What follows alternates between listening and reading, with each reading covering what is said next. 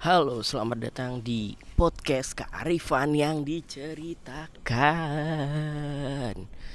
Hari ini hari Selasa tanggal 6 mungkin 6 apa 7 Juli 2021.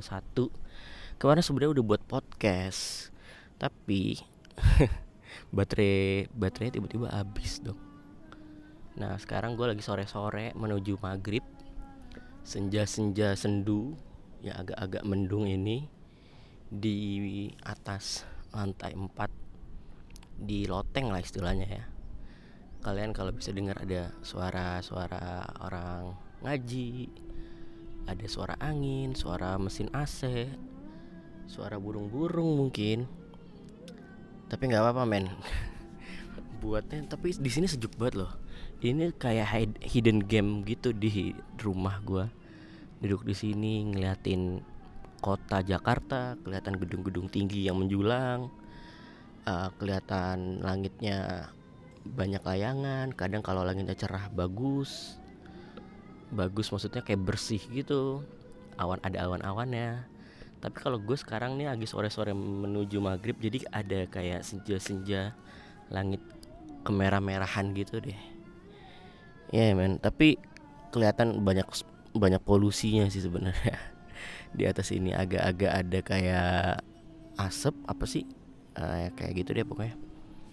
Anyway hmm kemarin tuh sebenarnya gue udah bahas banyak tapi gue lupa anjir apa aja. Bahas-bahasan random lah gitu intinya. Tapi ada yang menarik yang tadi gue pikirin.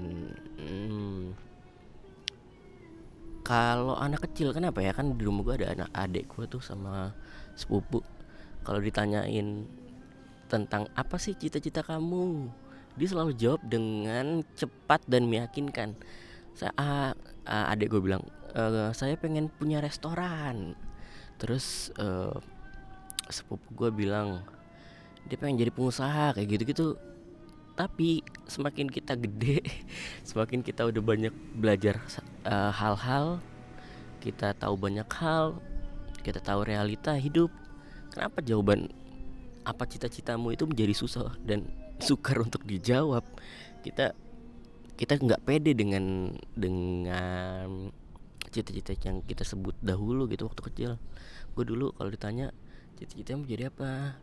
Waktu SD gue bilang jadi astronot karena gue berpikiran oh ternyata tempat selain di bumi itu ada di luar angkasa tuh ada ada kita bisa bisa naik roket gitu ke sana dan dan ada stasiun uh, luar angkasa gitu di sana. Pakai baju astronot keren gitu. Oke kalau kalian bisa dengar itu adalah suara AC yang dihidupkan sore-sore ini. Dan gak apa-apa ya. Gue malas pindah lagi udah sejuk banget di sini. Hmm, ya gue jadi pengen jadi astronot dulu waktu SD terus SMP karena gue ngeliat tante gue pengusaha uh, jual kerudung gitu di Tanah Abang. Kayak duitnya banyak di nih orang sampai bisa uh, uh, banyak gitu anak buahnya dan gue jadi pengen jadi pengusaha. Pengusaha apa pun itu gue nggak tahu yang penting gue bilang dengan meyakinkan gue pengen jadi pengusaha. Naik ke SMA ah itu tuh udah mulai bingung tuh. Gue gue udah nggak pengen jadi pengusaha lagi maksudnya gue gue pengen ah ini gue gue pengen berkontribusi untuk alam itu cita-cita gue nggak spesifik uh, pekerjaan apa tapi intinya gue pengen berterima kasih de, pada alam dan gue pengen uh, gue pengen kerja di situ apa pun itu kerjaannya. Intinya fokusnya adalah berterima kasih dengan alam dan menjaga alam. Makanya gue masuk IPB lewat jalur undangan yang alhamdulillahnya keterima. Gue kerja di perikanan. Eh kerja maksudnya ambil jurusan perikanan tangkap yang itu gue nggak tahu banget gue clueless di situ men. Perikanan tangkap nggak ada seksi-seksinya. Beda sama arsitektur hukum beda sama IT beda sama ekonomi yang yang banyak orang pilih ya kan? Ini perikanan tangkap men.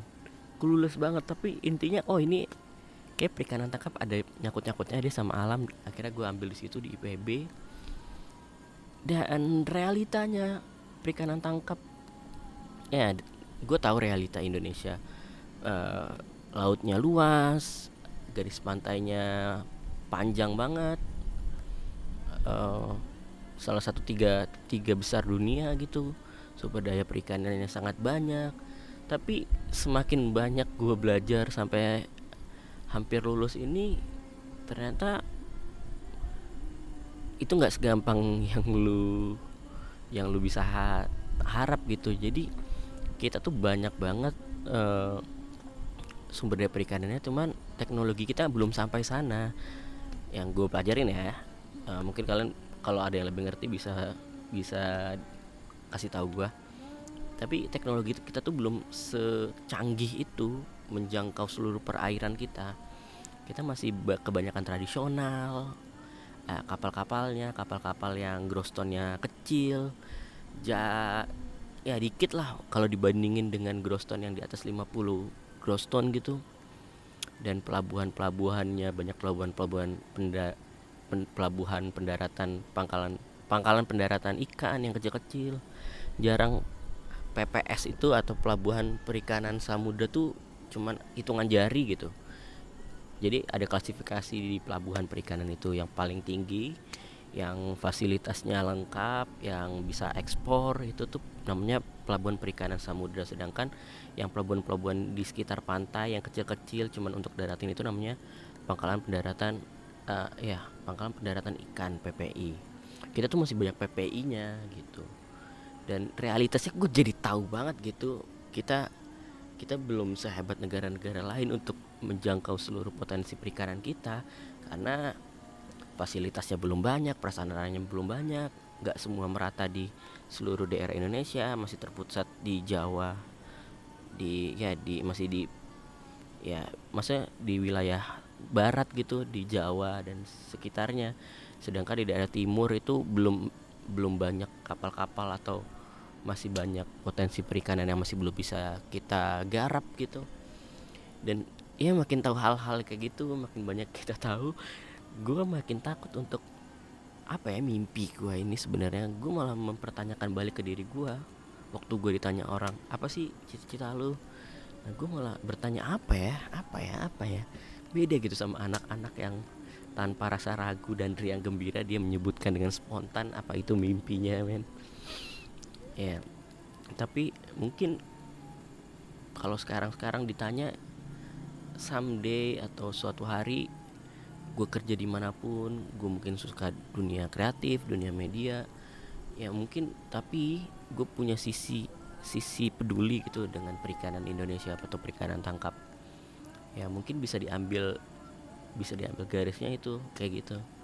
Kayak gue nggak punya cita-cita cita-cita lebih selain nantinya kalau gue kerja di mana pun ya ini kerja kerja kan cuman kayak uh, stepping stone. Jadi ya cuman batu-batu pijakan doang. Tapi in the end of the day kalau mungkin gue udah punya uh, punya dana sendiri ya gue ingin banget itu waktunya akan gue uh, habiskan untuk di dunia perikanan tangkap. Terutama di pelabuhan perikanan yang yang pelabuhan perikanan sendiri itu belum belum banyak fasilitas yang dibutuhkan tuh sebenarnya dibutuhkan tapi belum ada gitu. Karena keterbatasan dana, investasi yang kurang, perbankan yang kurang mendukung, kapal-kapal yang kurang dan segala macamnya. Nah, itu yang gue itu yang ingin gue lakukan mimpi gue dalam jangka waktu yang panjang ya. Dalam jangka panjang. Gue pengen gitu uh, Indonesia tuh uh, menghargai laut selama ini. Mungkin kita membelakangi laut yang benar kata Menteri Susi kita selama ini membelakangi laut kita tidak melihat laut sebagai potensi yang besar padahal nyatanya kita punya potensi yang sangat besar. Kita dari dulu berfokus pada per, uh, pertanian hijau yaitu pertanian-pertanian yang ada di darat sedangkan pertanian biru yang atau pertanian yang ada di laut dalam arti luas ya maksudnya perikanan dan segala sumber daya alam yang ada di dalamnya itu tidak kita lihat sebagai hal potensial yang bisa kita lakukan. Jadi gue berandai-andai gitu. Gimana ya kalau Indonesia tuh uh, kayak di luar negeri gitu kayak di San Francisco maksudnya daerah teluknya itu tuh dijadiin suatu tempat perkotaan di mana di pinggir-pinggir pantainya itu ada kehidupan manusia urban gitu. Ada fish market uh, di pinggir-pinggir uh, pantainya bisa jogging ada jogging track bisa duduk-duduk bisa santai nah itu uh, bangsa-bangsa luar atau negara-negara uh, di luar Indonesia itu sudah melihat laut sebagai sebagai apa tidak membelakangi laut. Dia udah pokoknya kalau punya rumah pintu rumah mereka tuh udah menghadap laut gitu. Sedangkan kalau Indonesia uh, pintu rumah tuh membelakangi laut kayak gitu. Maksudnya ingin nantinya Indonesia tuh menghadap ke laut, melihat laut sebagai potensi, punya fish market yang bagus, yang bersih, tempat pelelangan yang yang bersih, yang terjamin, harga-harga nelayan terangkat, tidak tidak tidak bergantung pada tengkulak atau ya pada tengkulak harganya dipermainkan. Nelayan-nelayan punya punya penghasilan yang lebih layak, anak-anak nelayan tidak takut untuk menjadi nelayan lagi. Ya men kayak gitu men yang someday yang akan gue lakukan. Apa pun nanti mungkin gue pekerjaan ke sini dulu ke sini dulu ke sini dulu tapi gue tahu aimnya tuh gue harus ke sana gitu. Ya salah satu uh, cita-cita gue juga masuk IPB gue pengen punya sekolah untuk anak-anak nelayan gitu. Uh, sekolah yang menawarkan mimpi punya referensi mimpi selama ini mungkin ya di dunia perikanan tuh gue belum punya uh, kayak role model gitu. Jadi gue nggak punya referensi mimpi gue untuk menjadi nelayan untuk mengusahakan perikanan Indonesia lebih layak lagi. Karena nggak ada orang yang bisa gue lihat nggak ada orang yang sesukses itu di dunia sana gitu. Ya, gue pengen menjadi orang itu dan membagikan cerita gue menjadi referensi bagi anak-anak nelayan bahwa jangan takut tahu jadi jadi nelayan jadi orang pesisir. Eh, nggak uh, selamanya pesisir itu daerah yang kekurangan yang miskin. Kalian tuh tinggal di depan kalian tuh sumber daya alam yang kaya gitu. Ya tapi ya tapi kita harus sadarin itu. Dan gue ingin mengambil bagian dalam hidup gue di situ sih. Someday. Ya semoga. Gue selalu cerita ini selalu punya api di dalam dada gue kayak oh, gue harus bisa ke sana gitu. Gue harus memupuk api gue itu setiap harinya. Gue membaca perikan tentang berita tentang perikanan tentang pelabuhan kayak gitu-gitu yang gue greget gitu kenapa kita nggak bisa? Negara lain tuh udah udah memanfaatkan lautnya dengan sebegitu uh, sebegitu efektif dan efisien ya kita masih belum gitu. Ma masih banyak mafia-mafia di dalamnya yang mempermainkan harga yang menangkap dengan illegal fishing dengan alat tangkap yang tidak ramah lingkungan yang tidak tidak sustainable lautnya tidak terjaga asal dapat untung aja kayak gitu-gitu. Greget banget gitu semakin gue tahu. Dan ya yeah, men gue takut aja gitu. Gue aneh yang gue pernah baca satu kutipan kalau ada yang salah apa ya kalau ada yang salah di satu suatu daerah atau lingkungan atau orang itu salah-salah orang yang pintar soalnya dia tahu itu masalahnya tapi dia nggak berani uh, membenarkan atau mengembalikan keadaan uh, ke dalam ke keadaan yang baik gitu. Salah-salah orang pintar karena dia tahu doang tapi dia nggak nggak to the action into it gitu ya men. Mungkin yang selama ini gue pikir gue salah salah jurusan tuh enggak sebenarnya. Ya gue tuh hanya hanya harus menemukan uh, apa api yang ingin gue ingin gue siram setiap harinya dengan api yang lebih besar membagikan semangat membagikan mimpi menjalani menjalani itu sehingga membagikan cerita uh, referensi mimpi ke orang-orang lain itu aja sih. Someday. Thank you udah mau dengerin. Ini udah mau maghrib gue harus masuk ke dalam. Terima kasih masyarakat udara yang udah mau dengerin. Uh, sampai jumpa minggu depan. Bye bye